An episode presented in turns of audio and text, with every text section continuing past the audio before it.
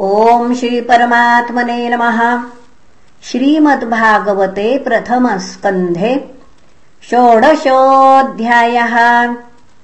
सूत उवाच ततः परीक्षिद् द्विजवर्यशिक्षया महिम् महाभागवतः शशासः। यथा हि सूत्यात्मभिजातकोभिदाः समादिशन् विप्रमहद्गुणस्तथा स उत्तरस्य तनयामुपयेम इरावतीम्। जनमे जयादींश्चतुरस्तस्यामुत्पादयत्सुतान्। आजहाराश्वमेधांस्त्रीन् गङ्गायाम् भूरि दक्षिणान् शारदवतम् गुरुम् कृत्वा देवा यत्राक्षिगोचराः निजग्राहौजसा वीरः कलिम् दिग्विजये क्वचित्। नृपलिङ्गधरम् शूद्रम् ग्रन्तम् गोमिथुनम् पदा। शौनक उवाच कस्य हेतोर्निजग्राह कलिम् दिग्विजये नृपः नृदेव चिह्नदृक्शूद्रकोऽसौ गाम्यः पदाहनत् तत्कथ्यताम् महाभाग। यदि कृष्णकथाश्रयम् अथवास्य पदाम् भोजमकरन्दलिहांसताम् किमन्यैरसदालापैरायुषो यदसद्व्ययः शूद्राम् युषाम् नृणामङ्गम् मर्त्यानामृतमिच्छताम्। इहोपहूतो भगवान् मृत्यु श्यामित्रकर्मणि। न कश्चिन्म्रियते तावत् यावदास्त इहान्तकः। एतदर्थम् हि भगवानाहूत परमर्षिभिः अहो नृलोके पीयेत हरिलीलामृतम् वचः। मन्दस्य मन्दप्रज्ञस्य वयो मन्दायुषश्च वै। निद्रयार्यते नक्तम् दिवा च व्यर्थकर्मभिः। सूत उवाच। यदा परीक्षित् कुरुजाङ्गले शृणोत कलिम् प्रविष्टम् निजचक्रवर्तिते। निशम्य वार्तामनतिप्रियाम् ततः। शरासनम् संयुगशौण्डिराददे। स्वलङ्कृतम् श्यामतुरङ्गयोजितम् रथम् मृगेन्द्रध्वजमाश्रितः पुरात्। वृतो रथाश्वद्विपपत्तियुक्तया स्वसेनया दिग्विजयाय निर्गतः। भद्राश्वम् केतुमालम् च भारतम् चोत्तरान् कुरुन्। किम् पुरुषादीनि वर्षाणि विजित्य जगृहे बलिम्। तत्र तत्रोपशृण्वान स्वपूर्वेषाम् महात्मनाम्। प्रगीयमाणम् च यशः कृष्णमाहात्म्यसूचकम्। आत्मानम् च परित्रातमश्वत्थाम्नोऽस्रतेजसः स्नेहम् च वृष्णिपार्थानाम् तेषाम् भक्तिम् च केशवे। तेभ्यः परमसन्तुष्ट प्रीत्युजृम्भितलोचनः महाधनानि वासांसि ददौ हारान् महामनाः सारथ्यपारशदसेवनसौख्यदौत्य वीरासनानुगमनस्तवन प्रणामान् स्निग्धेषु पाण्डुषु जगत्प्रणतिम् च विष्णोर्भक्तिम् करोति नृपतिश्चरणारविन्दे। तस्यैवम् वर्तमानस्य पूर्वेषामवृत्तिमन्वहम् नातिदूरे किलाश्चर्यम् यदासीत तन्निबोध मे धर्मः पदैकेन चरन् विच्छायामुपलभ्यगाम् पृच्छति स्माश्रुवदनाम् विवत्सामिव मातरम्।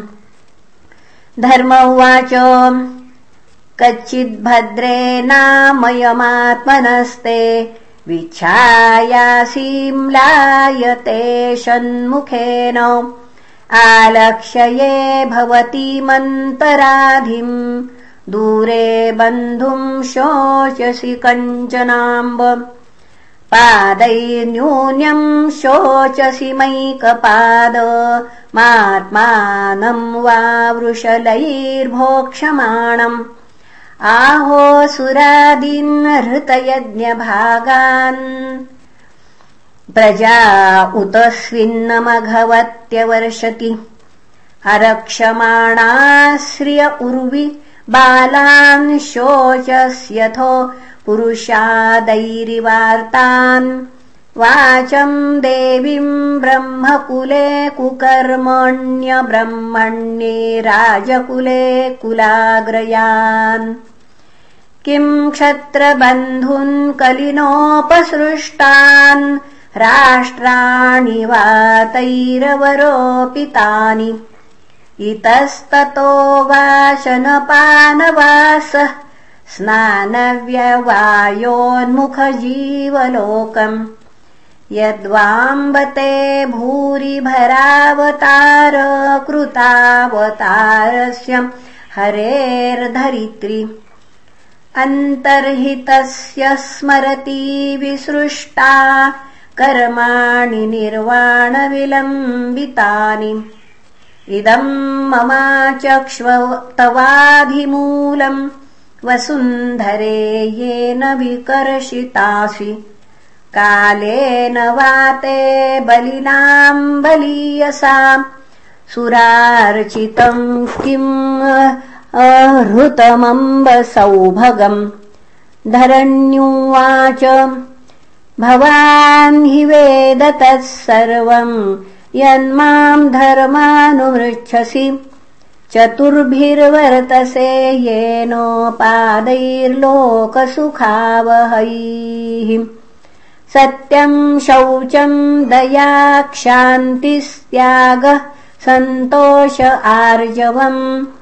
शमोदमस्तपः साम्यम् तितिक्षोपरतिश्रुतम् ज्ञानम् विरक्तिरैश्वर्यम् शौर्यम् तेजो बलम् स्मृतिः। स्वातन्त्र्यम् कौशलम् कान्तिर्धैर्यम् मार्दवमेव च। प्रागल्भ्यम् प्रश्रयशीलम् सह ओजम् बलम् भगहाम् गाम्भीर्यम् स्थैर्यमास्तिक्यम् कीर्तिर्मानोऽनहङ्कृतिः एते चान्ये च भगवन्नित्या यत्र महागुणाः। प्रार्थ्या महत्त्वमिच्छद्भिर्न वियन्ति स्म कर्हिचित् तेनाह गुणपात्रेण श्रीनिवासेन साम्प्रतम् शोचामि रहितम् लोकम् पाम्पनाकलिनेक्षितम् आत्मानम् चानुशोचामि भवन्तम् चामरोत्तमम् देवान् पितॄन् ऋषीन् साधून् सर्वान् वर्णांस्तथाश्रमान्। ब्रह्मादयो बहुतिथम् यदपाङ्गमोक्ष कामोस्तप समचरन् भगवत्प्रपन्नाः। सा श्रीस्ववासमरविन्दवनम् विहाय यत्पादसौभगमलम् भजतेऽनुरक्ता तस्याहमब्जकुलिशाङ्कुशकेतुकेतैः श्रीमत्पदैर्भगवतः समलङ्कृताङ्गि त्रीनत्यरोच उपलभ्य ततो विभूतिम् लोकान् व्यसृजदुस्मयतीम् तदन्ते। यो वै ममातिभरमासुरवंशराज्ञामक्षौहिणीशत मपानुददात्मतन्त्रः त्वाम् दुःस्थमूनपदमात्मनि पौरुषेण सम्पादयन् यदुषु रम्यमबिभ्रदङ्गम् कावासहेत विरहम् पुरुषोत्तमस्य प्रेमावलोकरुचिरस्मितवल्गु जल्पैः स्थैर्यम् समानमहरन्मधुमानिनीनाम् रोमोत्सवो मम यदङ्घ्रिविटङ्कितायाः। तयोरेवम् कथयतो पृथिवी धर्मयोस्तदा परीक्षिन्नाम राजर्षिः प्राप्तः प्राचीम् सरस्वतीम्। इति श्रीमद्भागवते महापुराणे पारमहंस्याम् संहितायाम् प्रथमस्कन्धे पृथ्वीधर्म संवादो नाम षोडशोऽध्यायः। श्रीकृष्णार्पणमस्तु। हरये नमः हरये नमः हरये नमः